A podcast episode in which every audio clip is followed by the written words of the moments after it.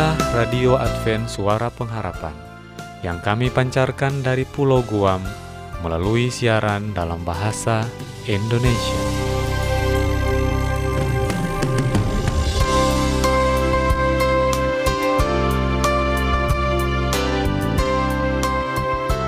Salam sejahtera kepada saudara pendengar di mana pun Anda berada. Selamat berjumpa kembali dengan kami, Radio Advent Suara Pengharapan.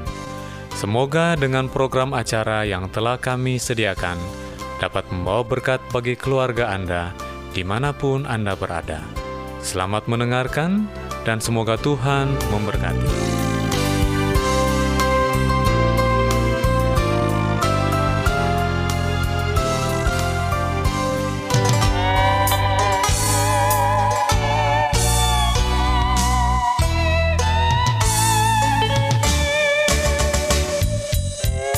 Kabar pendengar setia Radio Advent Suara Pengharapan?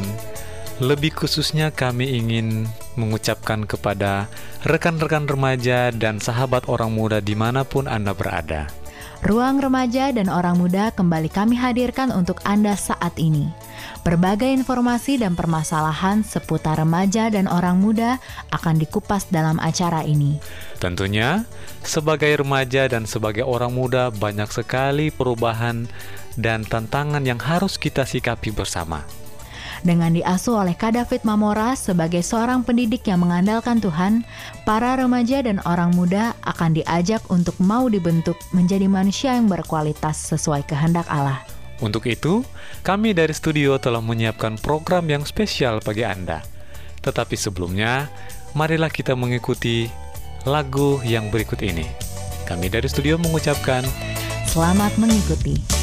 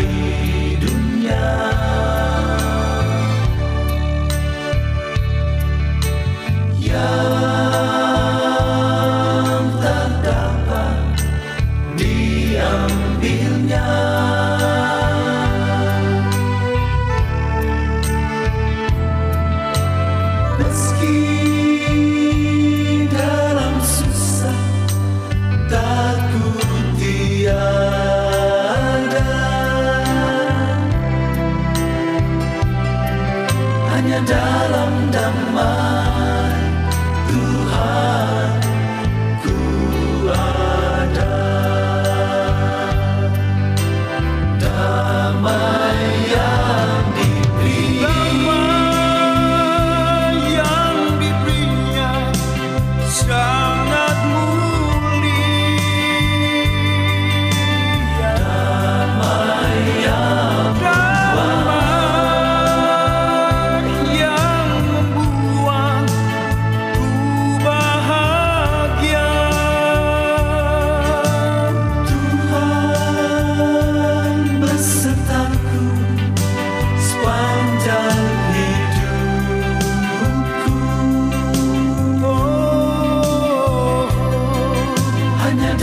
dalam damai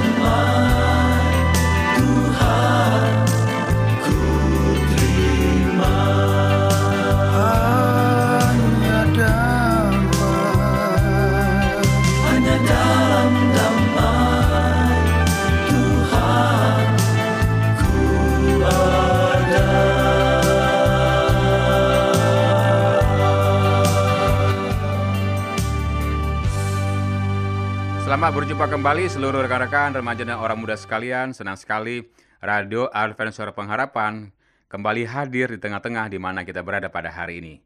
Dan dengan senang hati kami mengajak kita semua untuk bersama-sama mempelajari firman Tuhan yang pada hari ini judulnya adalah Perilaku Anak Allah.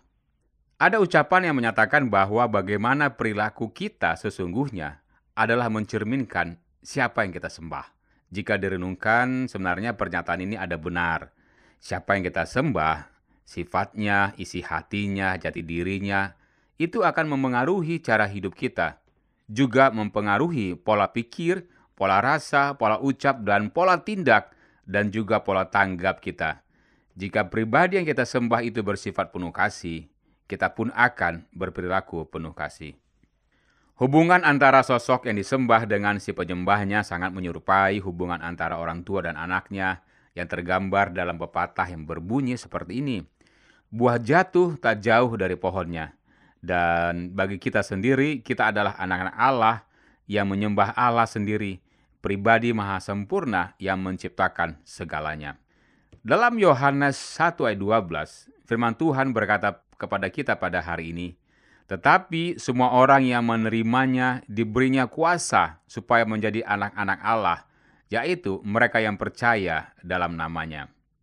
Supaya seseorang menerima keselamatan yang sempurna, iman sejati harus utuh, terdiri dari ketekunan percaya yang berlangsung terus-menerus setelah tindakan pertama, yaitu adalah menerima Kristus.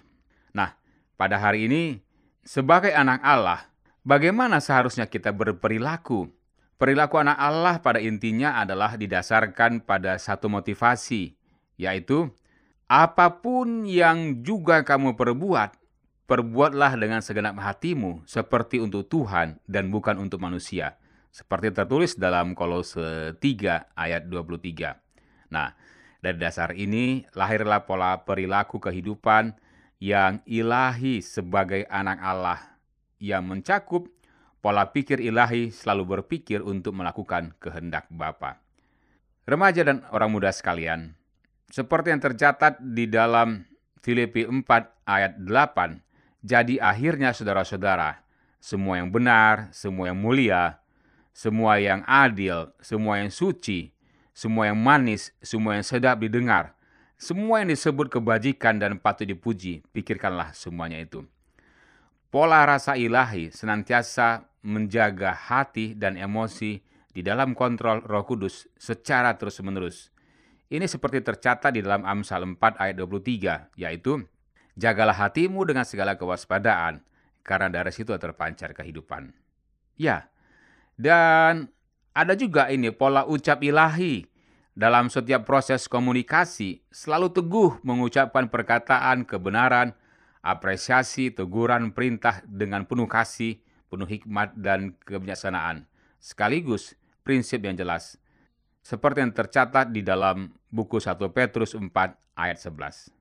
Nah, remaja dan orang muda sekalian, ternyata sebagai anak-anak Allah, kita juga diminta untuk memiliki pola tindak ilahi, yaitu yang memahami skala prioritas dengan jelas dan bertindak sesuai dengan skala prioritas tersebut.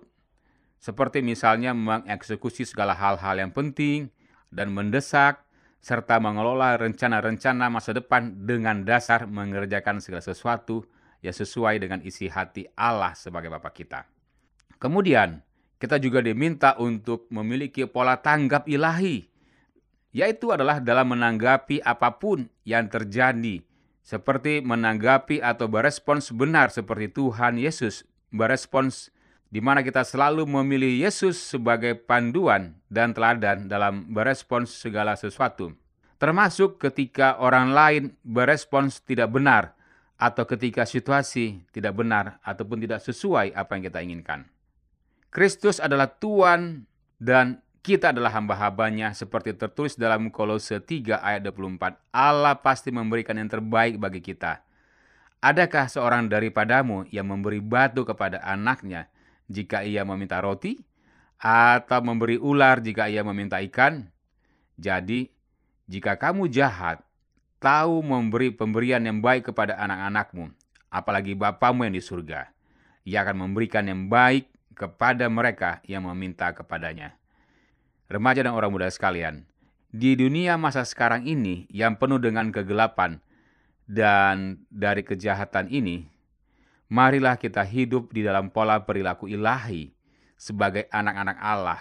Dari kehidupan kita lah terang Allah akan menyinari dunia. Selamat melakukannya dengan setia di dalam berkat dan penyertaan Allah sebagai Bapa kita. Terima kasih.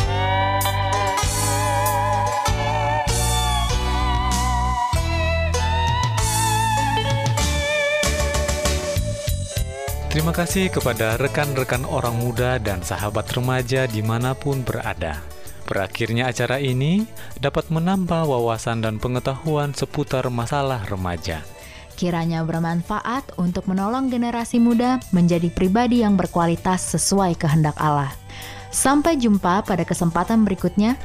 Kami dari studio mengucapkan semoga Tuhan memberkati kita semua. Shalom bagi semua sahabat pendengar. Kabar baik bahwa kisah dan kesaksian terkait siaran dan pelayanan AWR Indonesia kini dapat diikuti secara berkala, baik melalui siaran harian Radio Advent Suara Pengharapan setiap minggu kedua dan keempat, juga melalui YouTube dan Facebook AWR Indonesia. Terima kasih banyak untuk yang sudah menyampaikan dan masih terbuka bagi Anda semua untuk segera SMS atau telepon ke nomor AWR di 0821 1061 1595 atau di nomor 0816 1188 302 untuk WhatsApp dan Telegram. Kami tetap menunggu dukungan Anda. Ada kehidupan di salibnya. Yesus berkata, pandanglah, kesenangan dunia akan lalu, ada kemuliaan di seberang sana. Pandang pandanglah ke salibnya yang memberi, yang memberi kehidupan.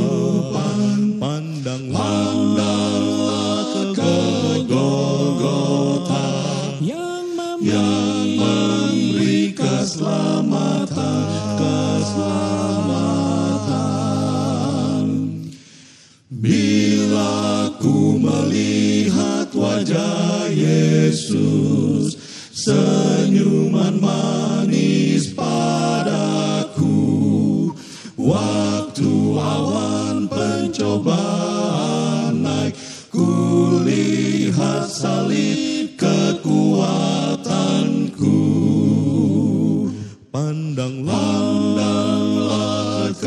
salibnya yang memberi, yang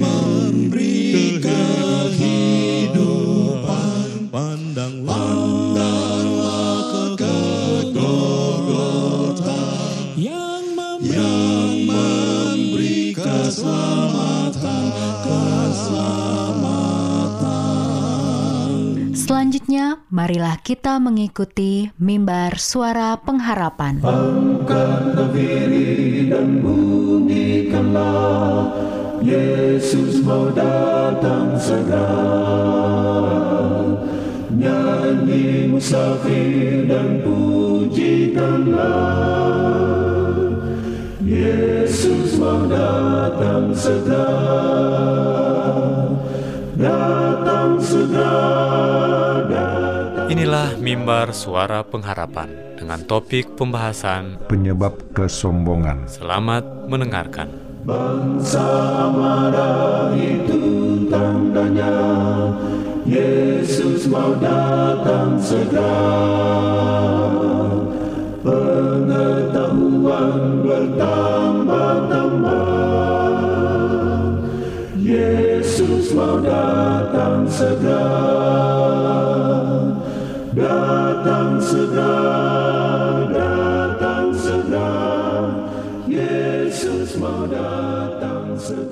Salam saudaraku yang diberkati Tuhan.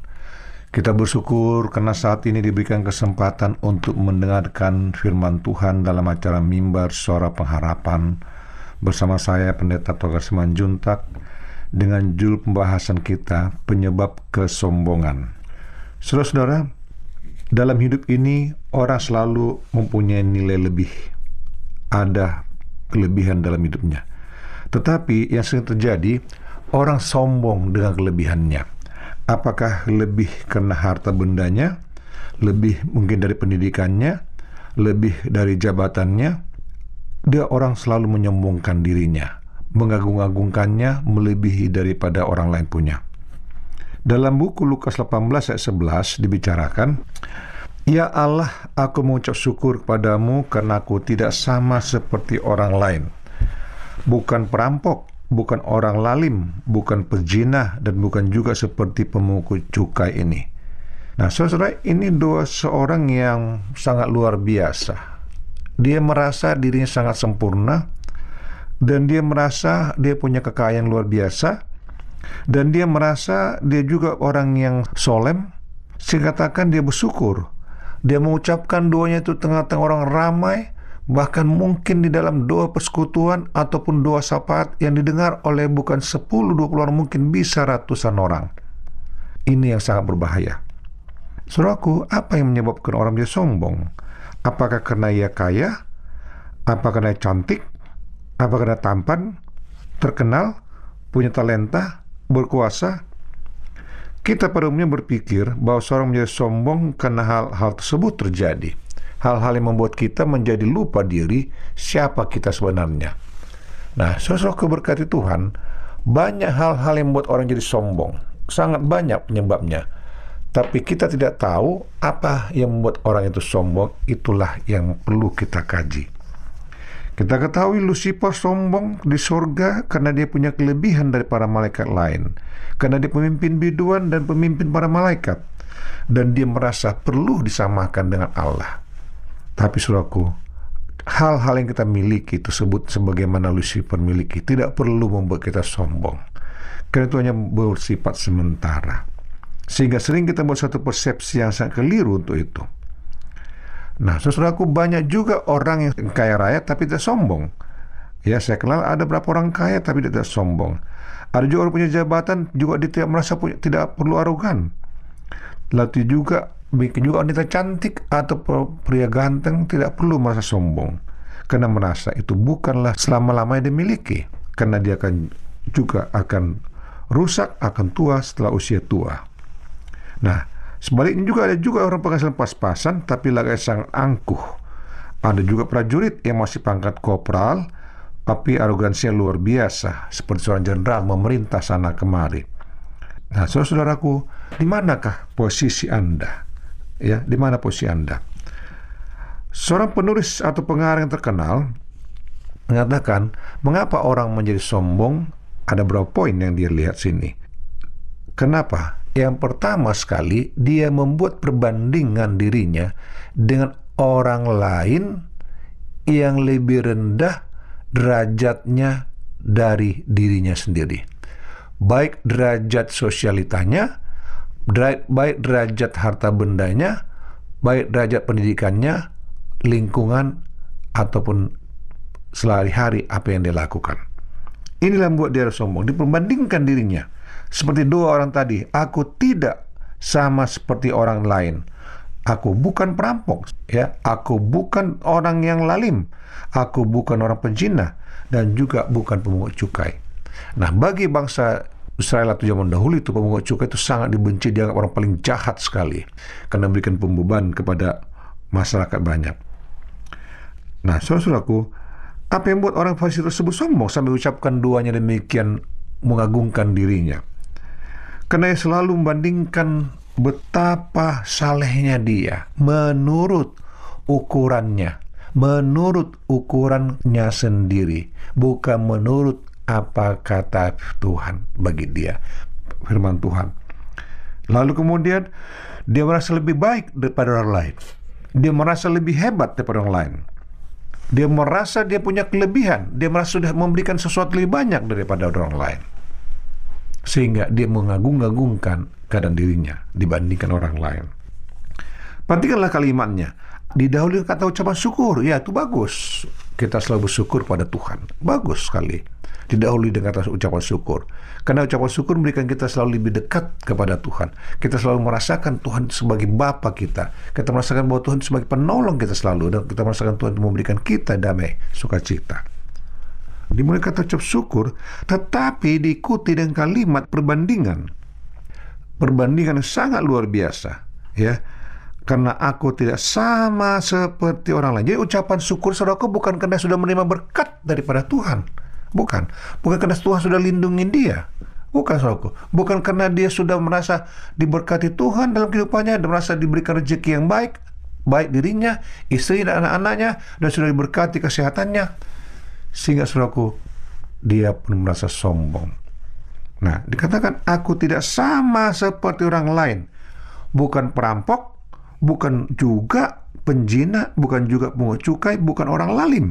Ini suatu hal yang luar biasa membuat dirinya itu sangat menyedihkan, saudaraku. Jadi saudaraku, kalau sekali Anda membandingkan diri Anda dengan orang lain, apalagi kalau ambil uh, dengan statis sosialita lebih rendah dari Anda, kedudukan masyarakat yang lebih rendah Anda, maka Anda akan menjadi besar kepala, merasa Anda yang paling hebat. Tapi Anda tidak akan berani untuk mengambil perbandingan dengan orang lebih tinggi posisi dari Anda. Tidak akan berani. Jadi itulah saudaraku, jangan pernah Anda untuk membuat perbandingan dengan orang lain di Anda. Masing-masing setiap orang itu punya plus minus atau nilai lebih atau kurangnya, tapi Tuhan yang menyempurnakan.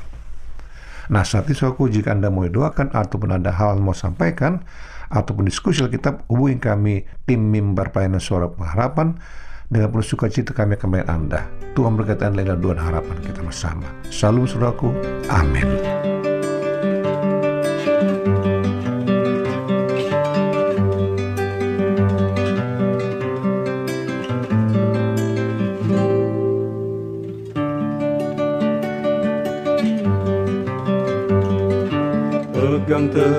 Janji Kristus Rajaku Mari puji dia selama-lamanya. Bukan nyanyi puji kemuliaanmu. Ku pegang teguh janji Allah. Pegang teguh Pegang teguh janji Tuhan Juru Selamat. Pegang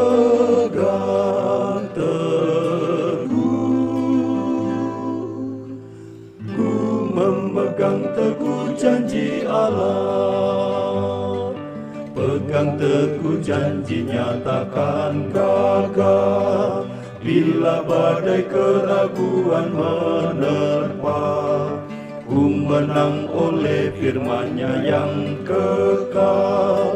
Ku pegang teguh janji Allah.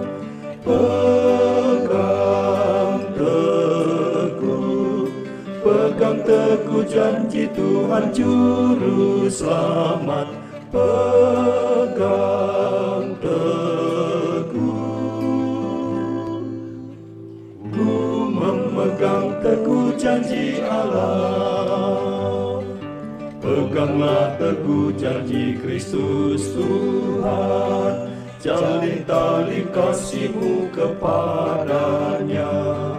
Dengan pedang roh dapat kemenangan Pegang teguh janji Allah. Pegang teguh Pegang teguh janji Tuhan Juru Selamat. Pegang teguh Ku memegang teguh janji Allah. Demikianlah rangkaian program acara dari kami. Apabila Anda mempunyai pertanyaan atau ingin mendapatkan seri pelajaran Alkitab Suara Nubuatan, Anda boleh menghubungi kami dengan mengirimkan surat ke Radio Advent Suara Pengharapan, PO Box 8090, Jakarta 12810, Indonesia. Telepon 0821 1061 1595. Alamat email awrindonesia@yahoo.co.id. Anda juga dapat bergabung di Facebook kami, pendengar radio Advent Suara Pengharapan, juga radio Advent Suara Pengharapan. Terima kasih kami ucapkan bagi Anda semua pendengar kami yang setia. Kita akan berjumpa kembali pada waktu dan gelombang yang sama esok hari.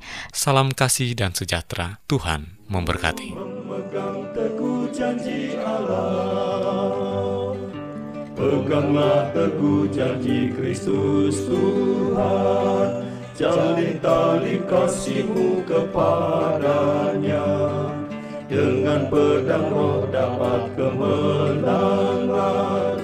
Ku pegang teguh janji Allah. Pegang teguh Pegang teguh janji Tuhan Juru Selamat